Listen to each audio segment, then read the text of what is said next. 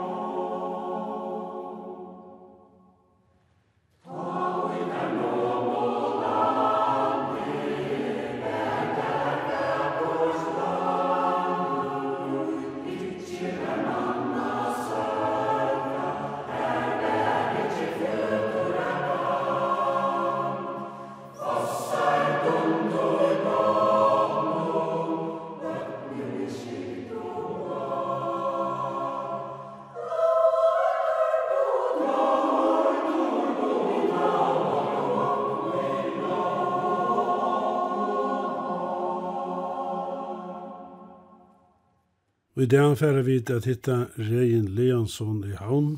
Regin er sørvinger, men han kommer reisende ofta til Mykineser. Og Regin, jeg har beskilt til at um, to varst i Mykineser, enn i tvei år tøyt og var smadronger. Ja, mamma var så sjuk og ta jeg var nødgjøra gammal. Og vi var ta fyra syskjen og en fosterbadje, Josvan, som var sånne vannbadja min, han miste mammuna som unger og kom så vest til lokk som smadrunger. Og da mamma ble sjuk, så var det så lykkes å få en avlastning at hun sendte meg vest til Mykjenesar til ommesystemet av Dagmar. Så jeg får så vest til Mykjenesar, jeg halte i tavak ved jamene, som han i huset var kibar, ja, og han var ommebadsmoen. Så han tog meg for svære vest til Mykjenesar og fjøren.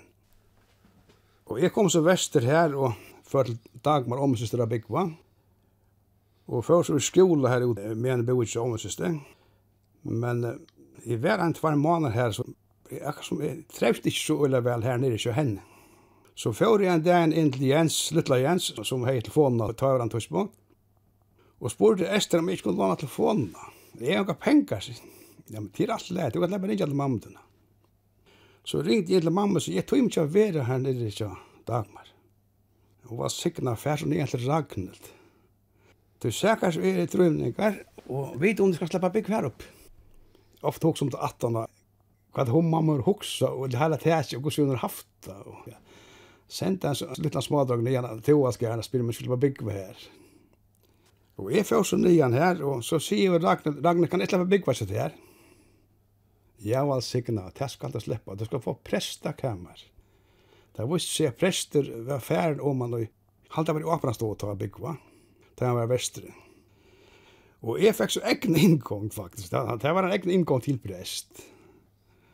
Og jeg ble så verende til Oaskaren, alltid. Disse tve årene var ligget her, og så var jeg alt hver eneste sommer her ute. Lykka til 8 trus da jeg kjøpte mitt egne hus. Og Ragnar var som min mamma som var her ute, hun var helt fantastisk fyrt, altså, hun var så valgsikna menneske, altså, vi meg og sier. Du tjekkste skolemidgene, sier jeg.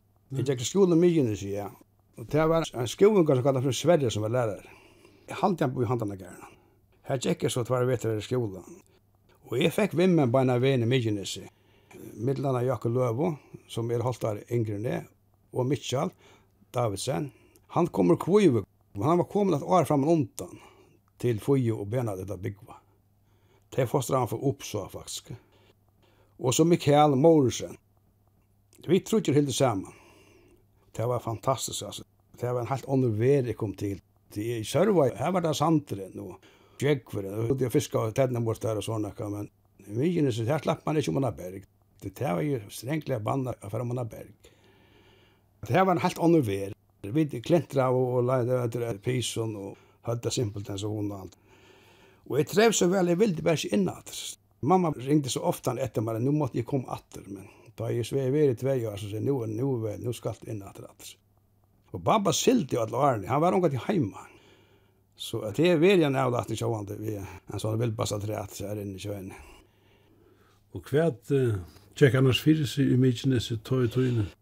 Vi var i öllum vanlig arbeid i husen, og til var skjern, her var jo negna hit.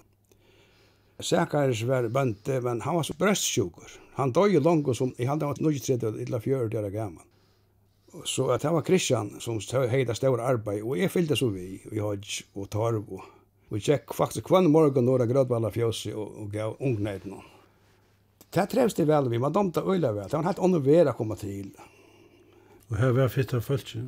Ja, var negg folk, vi var en 20 skolabøden. Men vi gikk skole er hver vik, er hver vik var i Hølmån. Så jeg tykker vi ikke at det er skreia negra negra negra negra negra negra negra negra negra negra negra negra negra negra negra negra negra negra Men sier meg rett, lærte du noe skole? Det tykker vi alt. Jeg tømte jo ikke engang skole, det var fakta jeg fått. Jeg tømte jo ikke engang skola. Jeg tykker vi ikke lærte noe som helst det vest, det tykker vi alt. Jeg også er bare med til å til at det. Jeg har tatt fire måneder faktisk, om det er som alt Jeg slapp ut i lampa sammen med Kristian. Det var ikke vant at smådrag slapp av fleia, så unger. Jeg slapp bare dreie og fleia av Kristian. Ragnhild platt jeg sier, ferdig ut, faen meg noen lundegg. Det er tog ju var och så var det här hos och det är minns gott att vi var i Norge och Anesen och i Torv. Här det så var allt hjälpa konna kön här och så var det bara bort till Torv och så säger Ragnarna att nu skulle vi färra och ha en tack för och en två här hos dig pannekaker. Och det är en tuskar efter dem. De var så kvar går sig vem det var i heimaren nästjön. Hon får sig inn i torvus her og fann så en, en av band her, så helt hon herdes hon bæra, men jeg för et sånt barn här steg. Og så gjør de om pannekaker. Var det nek folk i huset? Nei, det var ikke nek folk i huset. Det var bare Ragnhild og Kristian og Anna og Sækars, og så var det Jakob var född då. Han födde ikke född förrän i Einholtrus. Så han er født i året etter, Så jeg har faktiskt varit där värsta han ble født. Nå nevnte du noen navn i samband med Tua Skaren, og ett er Ragnhild, og ett er Kristian. Ja, Kristian var det sattne med til Ragnhild. Hon var gift fyrir giften vi Andreas, og de fikk trutja dronger saman. Jakob Paulus var eldstur, og så var det Sækars, og så kom Andreas. Jakob Paulus skulle ivetaka gæren, han sildi ved Neptun, og han skulle som så senast at tur ta vi Neptun. Men der kom som ikkje at røy at røy at røy at røy at Så han først her vi, saman vi fosterbadjanen tjassa, som var eisen var ativanskaren. Han kallast vi Olivar, han var i Holdanshus, Sørvei. Der fyrir så bøyer her. Så er Sækars elster, og han ivet også gæren. Men Sækars var så brøstsjukur, så han orka ikkje neg. Han var gifte vi Anno, Ellenskort ur Havn, og der finge tvær syner, Jakob og Amfen. Jakob halde er fattur i nødje halde haldi nastan, og han funnet ein halvtrus. Men Sækar, som jeg sier, var så brøstsjugur, han døg langt og så nødje til fjør døra gammal. Men Ragnar gifte så oppater vi Kristiani. De fikk så ein drong saman, Martin. Og Martin mentes i åndsju til, han fyrir så ungur til havnar að læra, maskinlæra fyrst, og a maskinskola, og så fram til að sykla. Og han var vekk i 11 år, og han kom að drøyater. Så at Jeg kom ikke kjenne Martin for 17. Vi var i Grønlands i 8-12 Da kom vi til Slå Bygva Sjømasheim. Så treffer jeg Martin her. Så helsa jeg på Martin for første fyr faktisk. Så sier vi henne at hette Martin som det er tåsas når jeg kommer til Åskæren. Ja, hvorfor sier jeg at jeg sikla? Hvor kommer ikke åtte Grønlands bare? Josef manglet jeg mann. Jeg var i Malbæk da. Nei, nei, nei, det er ikke godt. Men morgen etter tar jeg så bra støv og kom vi åkte Grønlands. Og her kom vi til å kjennes på skorene var så og så, og da kom jeg kjenne vart. Hvor satt så vi gjerne noen til Sækars for deg? Det er det Ragnhild. Hun var bønd. Og hun var øyla røsk, det skal han ei. Jeg ble veldig torvet da jeg var smaldrang og vi her når jeg neser noen. Hun var utrolig røsk. Hertes var som regel vi er. Ja, Hertes, hun blir ofta nevnt i samband med Midgenes. Ja, ja, her dessverre, så det var et samlingspunkt, for det er oansett hos vi avklarer det klare, folk sine det var mye, så møtte det ikke helst, kvart ene takk kvalt. Og Livar, han satt så av bunchen her, og vi som det velte. Han var så lusfilosof, han visste alt, og øyla kjentelig med. Og ta det leie av kvalt, så jeg, nu halde i fjerde på gulven, han. Han får ikke sjål vi, men vi får så på gulv, og her ble spalt kors, og her ble tåsa, og klokkan 12 og 1 tog inn og ta på for at klosa tratt. Hatta var faktisk kvart eina takk var. Det er ikke herdes. Ølja gav i dyr. Det finga låg en inn i køkken i sjøen her, bei smallamp og grønlangt, og nekva kjetter deg, og elskar dyr. Som vi nevnte, så er du servingur, og du er til eramadar oppvaksen i Sørvei. Ja, ja, jeg er oppvaksen i Sørvei, ja. Papi og mamma ble innskift av ham jeg li, til foreldrene seg hånd, han sjakk og rakk Og her bor vi så til 46 til han bygde ut i bakka. Og papadøyen til var... Leon Johansen. Og han var faktisk alltid buster. Det var faktisk en fremmede med han som kom hjem kvar fyrir. Han var hjemme 14 dager. Jeg tenker ikke bare en måned nekkant om år. Så mamma hei okkur en. Og tog hei fikk jeg så tatt tilhud til mamma. Det hon hei størt hus og jeg var alltid unger tog jeg en år ut og lære meg egna for å få henne huset til døvra og sånne så fiskar jag gokker. Och kven var hon? Hon var vaj. Hon var dotter Peter Hans, Peter Hans uh, øyre, Och omma var ju vina, hon var ur hus i Sørvei. De var flera syskjen, Magnus var äldster. Och så kom mamma och Emma och Nenni och Ove och Arne Brattaberg. Och han var en ødelegge og mamma bare Jeg var ofte den store siste munnen vi og vidja han. Da han kom hjemme til Danmark, at han er 46 og fikk seg famara som bøndag er. Dirka et opp her. Pabedun hei eisen syskin? Ja, han hei trutja brøver og tværsystrar. Det var trutja dronjer og tværsjenter. Christian var eldstur, han får nyere som homasare. Og så kommer papen, og så kommer Karl, han var eisen homasare. Og pappa stilte i eisen som kokkar av Kinavi. Og så var det Rickard, han var yngstur. Han først i Kattegat ved en minnesbrønding. Faktisk som det eneste servinger som fjord av Krukshav, det var Rickard. Og sisterne var Karolina Thomsen Klaksvig og Sigga Jönsson at Tvørøy. Sigga var gift ved Villa Jönsson. Pappa hans har kommet svørg i kålen her. Og Klaksvig, han var heilselig med over. Erluf Thomsen. Minnes du hvordan skipun Babdun plantet var vi? Under kronen skilte jeg ved Estrøtene. Thomas Jolis var skipare. Han var større med sjånen. Og at han klutje var han ved Vesterværen. Og så var han ved Norrmannen. For Grønlandsfjæren først. Og han var kokk og Grønlandsfjæren da det var lyst i Viskanasfjæren. Og han var så av her ombord av Norrmann. Og ble siklande her til året. Og settene fjøren som større med i Hølm. Og hver i mannbar som var maskinmaster her. Så får han land herfra og i fyraldrus i Tinch. Han kom inn som sambandsmævra i fyraldrus, og han satt her i 20 år som sambandsmævra. Jeg nevnte gjerne fra fyrr at vi kjente så løydet, vi kjente jo til baba munnen. Ta i han kom land i fyraldrus, da var elskips. Vi omgengast her. Så vi tatt øyla løydet samband. Ikke fyrr, det kom politiet, ta sann, man kjenner meg baba ordelig. Ta var vi samanlegg. Du nevnte det at uh, tid uh, bo i eisen ut i bakka, Ja, vi får ut av bakka i 46. Ta blei vi bakkafrensen da kalla og ta. Og fikk så vimmen her ute. Jeg får så skola år i etter, tjei i fjørt. Ta får man skola til man fyllte tjei år. Urat skolan til man fyllte fyrstan. Men Thomas Arabo og Einar Pedersen og Ivan Johansen bare vimmen sammen her. Det var grannar. Og Thomas fyllte fyrstan til 18 av meg. Så vi fyllte så skola bare i Sjeifjørt. Det er Daniel som var lärare, og vi er så faren i skola i november måned. Og så var det takk som man skulle flytta opp i annan klasse, Sørveit. Det var bare fyra klasser. Opptøk røynten, det var hvis det doer BFA var, og teller på hundra. Så slappst opp i annan klasse. Og det hadde vi så bøy, så vi kom opp i annan klasse. Men det var så fyra klasser, og det var alltid tvær klasser inn i sen. Og det har sikkert vært en fire måneder man lærte at han eldre klassen. Det de løs og sutt så vi løs åkara. Og vi hadde til Daniels, han kjente til Daniels som lærere, og han var, vil jeg si, på en måte en gøy lärare. Det er ikke spårning om gosset och lärare, men det er bare å få det lært. Og det dødde han. Hvis man spurte han om en ting, så fikk man ikke pensverk. Vart vi ikke en idiot, til åkes hårnakka. Men vi fikk en oppgave til den etter. Antall var det rokkning, illa det var akkurat å lesa. Og hvis vi stod til det, Så god night. Og mamma då det bara rockna. Det stod til henne. Jag syns at jeg att det til den etter.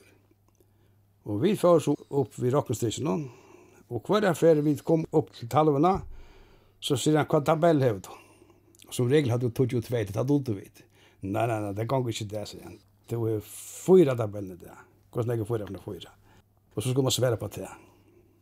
Og Och där på rockstationen så sier han Hvordan ganger den brøk en brøk? så skulle det komme rei ut och ganga tällare och tällare och nämnare och nämnare och förkorta det som man kan. Det er jo det där bruk han bruk. Du ganga til omvendt til divisören. Så lærte han okkon. Vimmen som var Andreas Bergløy og Eie Johansen. der fyllte och annan maj som er fyllt november. Og der för så ur skolan annan og tre av meg sier mamma, etter mye gånger skolan mer. Tumde simpelt ikke gånger skolan. Jeg fann noen task noen morgen etter da jeg skulle til skola. Antel lån i fjørene, ytla lån noen kjallara. Så alle la det tasken når jeg skulle til skola. Vi stakk så av her og først var fiska i havaltene. Kissa som var næra så var skibare av havaltene. Så jeg slapp av fiske her omkring turen vi honom, ellers engte jeg. Men jeg fiskar gogger, for jeg kommer av kjønsladen som var. Jeg fiskar alltid gogger. Og så igjen faktisk er vi klara med sjåva, det er vel indrømma. Men jeg åtte jo en gang på at, Man damte så fruktelig godt tilbake. Så Benedikt Petersen åtte et tøtjemannaffær som han kallar for Bense, og så en pink lilla flæpåtna igjen, som kallar for Lutla Bense. Og jeg slapp å låna Lutla Bense. Vi gjør det okkur fire Benedikt. Velta vi den. Men så er han en gær utanfor husene som han leia upp av gråten, åndesko sementsteinen. Og så kom vinteren som for å stavvis i gæren. Og så skulle de leia han opp at og slapp jeg landa på. Men vi kvart stod gärna och lukade som all lunch. Så jag platt gärna skump där jag kom skolan. Så slapp jag att lägga upp allt rätt och få av båten. Vad spalt det annars här väst i Sörvaj? Vi spalt var sanden, sanden var allt till. Så spalt vi bölta nere vi här. Vi här var inte några bilar. Vi spalte några bölta. Men sanden var allt. Jeg minnes godt at jeg vakna i morgenen til at jeg var smaldranger ut i bakka, så sier mamma nu fer jeg av sted. Ja, jeg fyllt der og, og skikka det vel, det var det som jeg sier. Så bare sanden med på den denen, og da jeg kom atter, så pratet jeg av trutja spurningar. Hun er nokka gjerra, så sier hun at hun skikka det vel, det er masse folk i alt. Og et vater på beinene, ja, så hengt der oppe på gelenderne kom på ørnen, svenker, Det var spurningar, så åter man seg metta, så atra sant. Og her var negbøten? Her var negbøten, ja. Her var negbøten. Vi får helt så særlig saman her ute av bakka. Så den sysken var det? Vi var fem sysken. Erling kom satt, han er fatter og fyra altrus. Randi var eldst. Hon er så fatt i 1930, og er fadder i 40. 15 mann er middelakon bæg. Så kommer Rikkard fra 45, og Rand var i 1940 og så er vi ærlig for alder. Og hver er det blevet av søsken, sa det? Den eldre rante fyldes vi med til Oslands og tjejalder oss. Jeg får til Ålasvugar og hun får til Flæter. Og faktisk ble verand i Osland. Hun var hjemme hver en år, men hun ble gift i Osland. Og med henne er så deier ja. Den yngre siste min Ranva, hun ble gift i Vavon, og fikk trøybød. Hun ble oppad i gift sattene i en Oslandere, som døg i en fersle oppe i Danmark. Og hon bor så i Danmark, ja. Og Rikard og Erling bygger i Sørvei. Og du bor i havn? Jeg bygger i havn, ja. Jeg fører faktisk til havn der langt og i fyrirtrus jeg ganger styrmaskula, og her er veri så igjen, faktisk. Du nevnte til at du hei kruløk av en hod til Kjekven? Ja, men det var ikke øyelig var Sjekven. Det var alt sammen å slippe Sjekven. Så at langt og i fem aldrus ta, før menn til Grønland, så sørger jeg at jeg var nekk ut til Grønland. Øyland nek. Og det var akkurat som det var en dreim som jeg slipper til grannsvåten jeg legger ut. Det var for alle hinnesarvungene. Og så før jeg ut av kajene, og her treffer jeg Petra Luffo.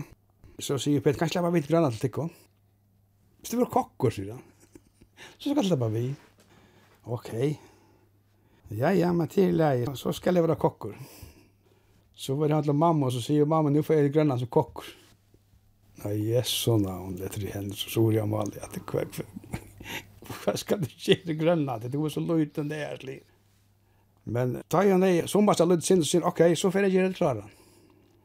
Men du måtte ha noen oppskrifter fra meg, bætjoppskrifter og sånne, at jeg skal gjøre akkurat det kommer i vår, bæga brei og koga døver og sånne. Jeg var alltid interesseret med fire mætjer.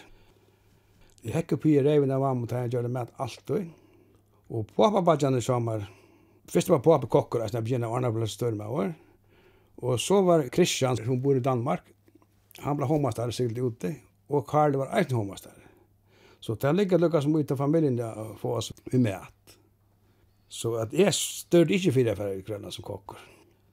Da vi skulle takka til Berklav og vise sjån, sjån, Magnussen, så lette jeg ur drødgjene, så sier Magnussen at du bjød seg for å rønkla, jeg så ikke for jøgn. Men jeg først var rønkla og tvekst og trekker på Berklav og vise, og Vi får i Tinganes til året. Vi skulle så i Norrhavn. Grønlandsfjæri har jeg haft faktisk. Grønlandsfjæri hadde jeg før i alltrus Fiskansfjørnen. Og det stod tvær båtar etter i så Grønlandsfjæren. Det var Nølsingeren og Vestmenningeren. Nølsingeren har jeg Jørmen Gåsdal, Jørmen Gåsdal. Og mykje Pasha nesamar, bare vi tog båten. Og Eli Renskor Og Vestmenningeren var han Gåsdal. Jørg. Georg var formar av Vestministeren, og her var Nils Aksel og Andreas, og jeg minns akkurat hvor det hinne var vi Georg seg her alle, vi Vestministeren. Men så var det tvær ærebåta, det var så mye som gjør med henne. Han er hafrunna, og Betja Luffe heis og Niklas Olof. Men det var øyla ringt år i Grønland, det var ikke fiskur, men høyde 18 døgn i føringarna vi tinganes. Det var bæg grunn av vegri og så var nek uiser, vi måtte føringarna slapp ikke inn i raunet da bare vi. Så det var faktisk min ene tur i føringavnet. Det var den turen vi tinkanes. Fossabæk var kipare, og han var rett være størmauer, og Hjalmar hadde i Bajansarkata, han var maskinmaster vi tinkanes. Det var en fin tur, jeg synes det sjøer, så det hei kokkeren var ur Sandava, Jeg minns godt han undret at det var så veldig store grøyter, fyra kantar grøyter, sånn dampgrøyter. Han tog var e-plassasjen og kveld var nere og gjett. Men det er ikke så fint. Vi kom så i Førengan her, og først finnes jeg jättegar her, det var en film i Førengan. Og jeg kjøpte ut alle byrser, der som vi tatt av penger vi til byrser og rifler, det var sånn jeg bor i grann så det kjøpte vi det her i Førengan. Vi slapp oss store rannsønne, og begynte å regge ut, men her var sånn jeg uiser, og her var ikke fisk.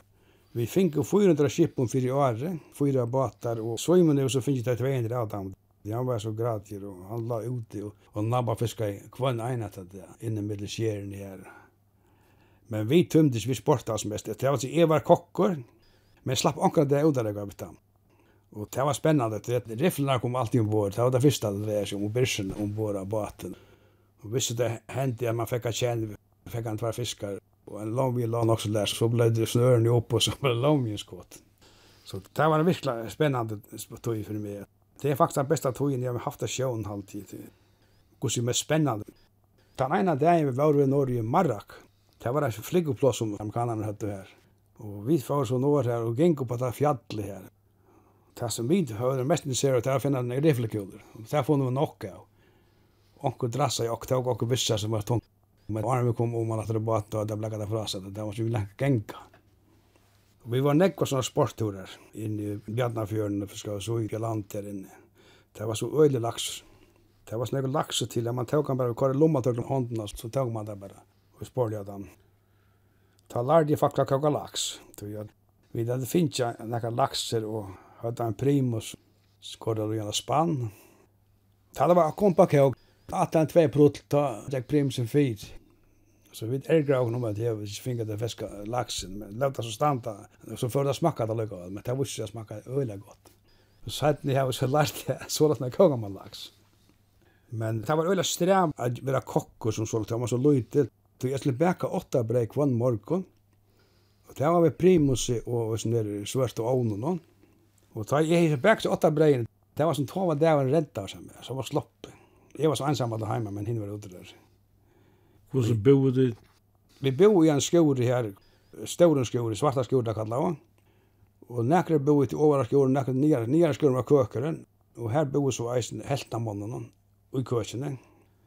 Og Jørgen Gassadale var så veldig fitter. Jeg orkar ikke litt av grøytene, det var så ståre.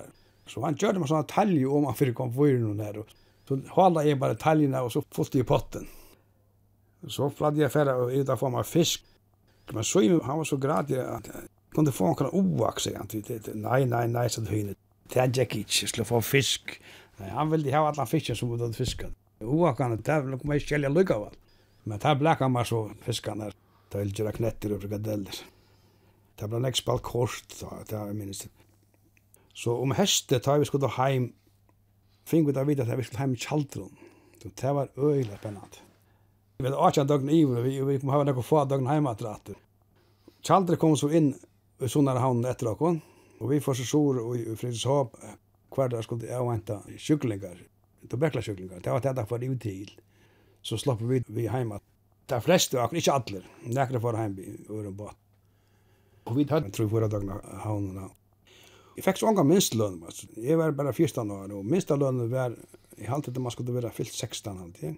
Illa var det 15. Minst ikke hvor stor hun var, men hun er nok vært i en, en 400 kroner, 500 kroner måneden. Og vi var fyra månader. Fiskeparten var 100 kroner, Det var det som jag fick. Vi så fyra måneder. Men det också inte om till at dette var en fantastisk tur och gjorde bare hon enda større för att slippe vågjere av flåt och ärestens. Men jeg skulle så bli mest drang vi kallade for fyra för gratis reise hjem, Läsa kvart 100 kroner alltid. Och det tog jag. Homer som bara stå och sånt där. Det är. Så fick jag gratis reise hjem. Ja. Det her var så vært i 55, og jeg var så hjemme til vetren i Sørvøy. Og her etter, da før vi høy trålaren, slimtrålaren. Det var samme år som var Lias Thomsen kom, Lammemjord. Så tar før allir av høy av oss, sandarsingene. Og, og her man i Gjernon, som var skipar, ja, det var rankan alltid. Det var undan blåst av timen her, og hver kjetlen var blåst undan. Så han kom i ødelsvinne mannskap til Håafoss. Og her var sånn nekra sandarsingar vi og soringar, og så slapp jeg så sjálf vi eisen. Hermann Gerne var skipar ja, og Johannes Badjansara var størmaur.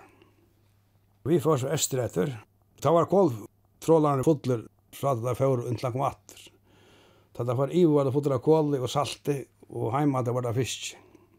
Så den fremste koppen, han var fotler av salti, og da naste det så kåli, og det brukte vi da ved en ivo, og så ble salt og tankopp Og han ble vaskar och så salt i tannkoppen, så flottar man så atter etter. Och jeg var så kollämpare. Där var vi en korv åter jag banjern, och så lydde hål och jag åter innan förplatsen. Så vi drassa og att vi var trutje kollämpare. Nu inte ta som døgnet skulle vi drassa atter, och så var det uppad som öska. Jeg var som en 15 år gammal och där ständer oppstans i själv då man ska vara nöjd när för være vara og och enig för att vara förbatare. Men det er det som bare størte på. Neppe har vi minstra som så lagt nødt så er det nok ikke kjent. Og Jafet Jakobsen, som døg som 18 år gammel, han var vi og kom ta han til Han var eisen kålampar. Han var et år eldre enn det. Det er ikke funnet, jeg fikk nekvann fisk. Halt nekvann fisk. Vi var så til året vi var av oss. Det var anna løyven enn kokkast og Ja, det er så pura sikkert. Det var anna løyven. Det var strävigt, det var öjla strävigt. Då var att fra Kålempingen och så i lasten, det var lasten här. Alltså, det var förfärligt strävigt. Då gick man inte 6 och 6. Då var det 6 och 12, men så skulle tvär vakter för det här och ären som slå fram med att det var faktiskt 14 och 4 och halv. Och jag har mänka blonden fint i Saltviks lasten här. Öjla strävigt. Men jeg vet ikke, jeg halte ikke at man er ikke skei av tog til. Man hoksa ikke undan, at han var bare løyv hugsa slett om det, at det var strevet. Det var så 6,5 Og da ble så nek snakka om at, at menn fyrir til Oslands, reg ut. Så i januar mann og tjej alt da ta vi vimmar som jeg kallte Torsten Thomasen, han var, han fikk seg båt i Esbjerg døy, så slørde ut her nerefra. Vi får til havnar, og vi om vi skulle sleppa vi til Oslands. Edlande Paterson var formar og fiskmann av da, Og Jakob Jakstov var skrivare sånn her. Og teir hatt oss og så omstod vi det her vi vaten og få folk i til Øslands. Og så kom vi her til Bridgebakka. Så hukte vi at nøvnene som var kjellig i. Her var en Ålasvik, så sier jeg, jeg vet av flere sørvinger, middelanda Jan Jakko, Jakob, kildemer som var før Ålasvikker. Her får vi bare reisen. Så valde vi den til tilfeldig en båt, som kallas vi Rønn. Han er S-124. Før så vi her, en tre med å komme seg til bort klokken, han var en madd i Klaksvik. Men det var ikke sånn nå, det slipper til Østlands alltid, så at en trålare som kallet Skole Magnusson kom av havnene etter ene løren. Og vi slapp oss i vi hånden, men det var ikke kodja. Så vi ble blekka her i forlastene om alla trålene. Her lå vi så, av vi i vår. sikkert har vi finnet ikke etter at ivi til tjøy, eller som er mest til til. Men vi får oss ivi Skola Magnusson og kom av Retsjavik, og det var nekve kæve og, og ringt Og Åren jeg for til havnar, så hei henne 300 kroner på jamar og torsles ikke lugan eg. Men vi da også brukt til, til å kjøpte okkur okkur klæger og sånn i havn. Og jeg er tudgjere vi da jeg kom og bare skola Magnusson og torsla tudg kroner. Og så kom vi til Røshavugar og på kajen der, så hva nu? Hva skal vi færa? Hva er Olavsvik? Vi kom oss oppa kajen der, og her hendte jo ikke En lydre stasjon var bant omanfyrir, så vi får inn her. Kaffe og kleini kostar 20 kroner. Det er 8 torsl, så 20 kroner. Jeg har aldri sett ståra kleini nekrant, det må jeg sige. Tver iuvaksna kleini, det er det som er ut. Så var oman dra kajina. Nu stendur det ståra lastbiler her, råpar om det nekka skal vi til Ålasukar. Ja, det var vi. Fint. Hoppas inn i større sjokken der, det var så veldig ståra lastbiler som er kodger at han vil føra setre. Her sjøvde vi bøyer, og han sitter kjemmer kvekkene tølv timer akkur øla høyde, det er sånn jeg hev. Det var lunge køyre. Vi fører oss sted, og det hadde kort enn seks timer, så sier han, nu får vi til folkene etta. Og vi tog det på en annan, vi tog åtta unga pengar. Det er det til. Så vi var svensk, så vi fikk forklare det, vi var svensk. Det er han hittet løgne fyrir, og ikke menn, vi var svensk. Sannet fikk vi så til at det var reier uje som er i årene som mannen, at jeg åkne etta av venen. Men vi kom til Ølandsvågar i morgenen. Ta som er på byggva tja, kona skiparen, tog med drakon. Ta fikk hun en kaffemån her, og jeg minnes til at hun sier om vi skulle hava etta. Vi dødde ikke at år, men vi forstod det. Så sier jeg, venta til i morgen. Og måla, sier hun. Så fikk hun sogmåla. Hun det bare på hver annan. Men morgen etter, så får vi bare om man skolen. Egenka skolen. Og ta stod her så engt i Vest-Uslendaren. Vi til dokum bara være verdensmeister. Jeg helt ikke sier at jeg var verdensmeister i egna, det er alltid engt. Men så sier han vi okkon om våre vandre egna. Ja, ja, ja, ja. Så sier han, prøva så egn som heter tekstampe som er. Men det var bestemt ikke nøgt ut det så. Det vet engt oss for negsadning enn det Der hadde han sånne trill og sånne som stamper stod av. Og man bara klikte knægen under den stampen, så får han egentlig alltid samme sted. Og knøyver stod av båren, Og så smekka man leggen nir og her vekk i teimen og så nødde han teimen. Og man skal eisen skjer agne sjolvor. Jeg vet at det skjer tjei stampar om dagen per mann, og det vinget som stampar at det var merster. Og det var 42 hogar kvar stampar hon. så var det 42 stampar kvar båtet, det slapp ikke sett han var. Men det skjer eisen fyrir at det tale skulle være her. Så det var det engt enn at hver sier det kom ein og kvöldi stampar sjokon, og enkan om att för jeg vet om det rätta hokan där uppe att och om alla hokan de då talde där för jag har kontroll. Det där skulle så være här men det gick nok så langt och när vi kom upp og hadde vi uslarna egna. Altså, vi måste upp tull ju morgonen i alla andra middag så måste vi långt vara för egna. och ta ta så annorna kom fem til morgonen så innan det var kom vi men det gikk så vi kom så joggande och å egna faktiskt på samma till uslarna Ta i, i løgnetøyen var jeg og ta i marsmannen. Ta for vi i nå. Og ta var det sånn reknet faktisk. Råg det, og det var hampnet. Det blir rigen ut. Men det var så øyelig fiskur. At det var sånne fiskar, man måtte takla det, og ta, var ikke på. Man måtte takla det inn faktisk. Jeg unga til sen, jeg kan lukna. Det var ikke seg at rønnen som vi var vi, ble beste båter i Ísland til fortjenast. Godborgen i Vestmannodgen som Binni Grøv var skibar, ja. Ta finge 1200 og nøkker tons, og vi finge 1200, men ta hadde meira trudjanatra fisk, så ta finge minne prus. Så det var et øylig forskjena da vi gjør det til i Island. Børslebar og med. Ta ble vi verand i Island, for sildina vet han neisen. Tog at Íslandar skuld allra sild, føringar slapp ikke vi sild. Men Guðmundur Jensson som var skibar i sjokna sier Tvåringarna har tyckt att ringa till tätje. Nu skulle det här släppa vid att silderna. Så vi för av Norrland är silt och vi landar mest i Siglfjörden och Rövarhavn. Men silt och ellers runt Island. Men Ta kan man bara fisk till det var havblick. Då jag silden var i åmarna och så sa man det och så kastade man nödna någon om. Det var en båt vi nödna och så la så in båten. Ringnöd kallade det alla fyra. Så det var bara ute till det var blikalogn Så det var en, en fantastisk tog å være silden. Vi fikk en nekka sildeisen, ikke så veldig nekk. Men baten nekka han av fotland. Vi tatt ångt i trusstansugjen, han var bare fjordans bater. Ta var han så renkur, at bare med på båret så får han sugjen av. Og det var stapla opp lønningene og smekkfotler. Og skipan måtte utgjøre støyre som hvis det hendte nekka. Men vi stod så alltid atri at trallaren her atri, og vi ene knuivist og klarer det her, og båten drin helt opp, opp i hekkena. Så hendte nekka så som man bare kappa og hoppa båten. Så den fiska vitt nærne. Det var flere som fører på dammet da. Fyltet der fotler og koppa eller sukk. Men det var et fantastisk vær, det må jeg si. Det fikk jeg oppleve eisene. Hva damte der uslenska med? Men damte vel uslenska med. Mest av alle, det er mynte når jeg føreskan, men særlig vel damte man hundkjøtt. Og det var akkurat som at det fatt ikke best å gjøre til de fleste føringer, så det var jo der i. Det sånne dager hadde vi hundkjøtt, det var en hattisk mæter. Føringa forlanga fekslampa kjøtt. Men med dem det beste håndkjøtt. Og her og damer det faktisk så gjerne, og hver er er i Ísland og vidje systemet, så kjøp kjøper håndkjøtt her vi. Og hva er det særlig til betyr kjøtten? Det er så røkt, og vi omgår det for røkt.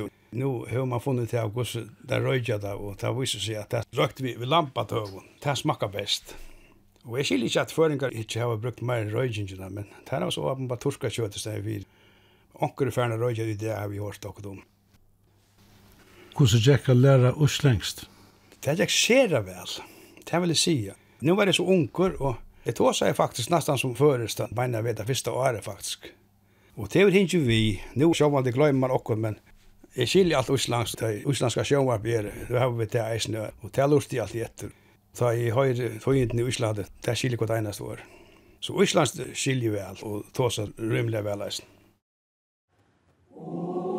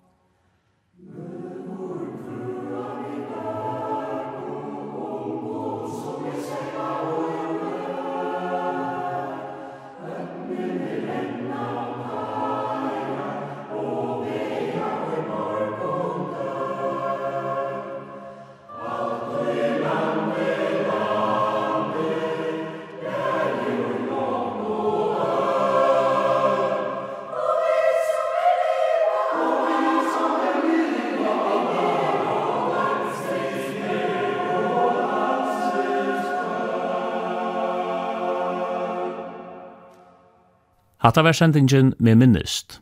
Jeg var narki hitte Regin Leansson. Hetta var fyrsta sending.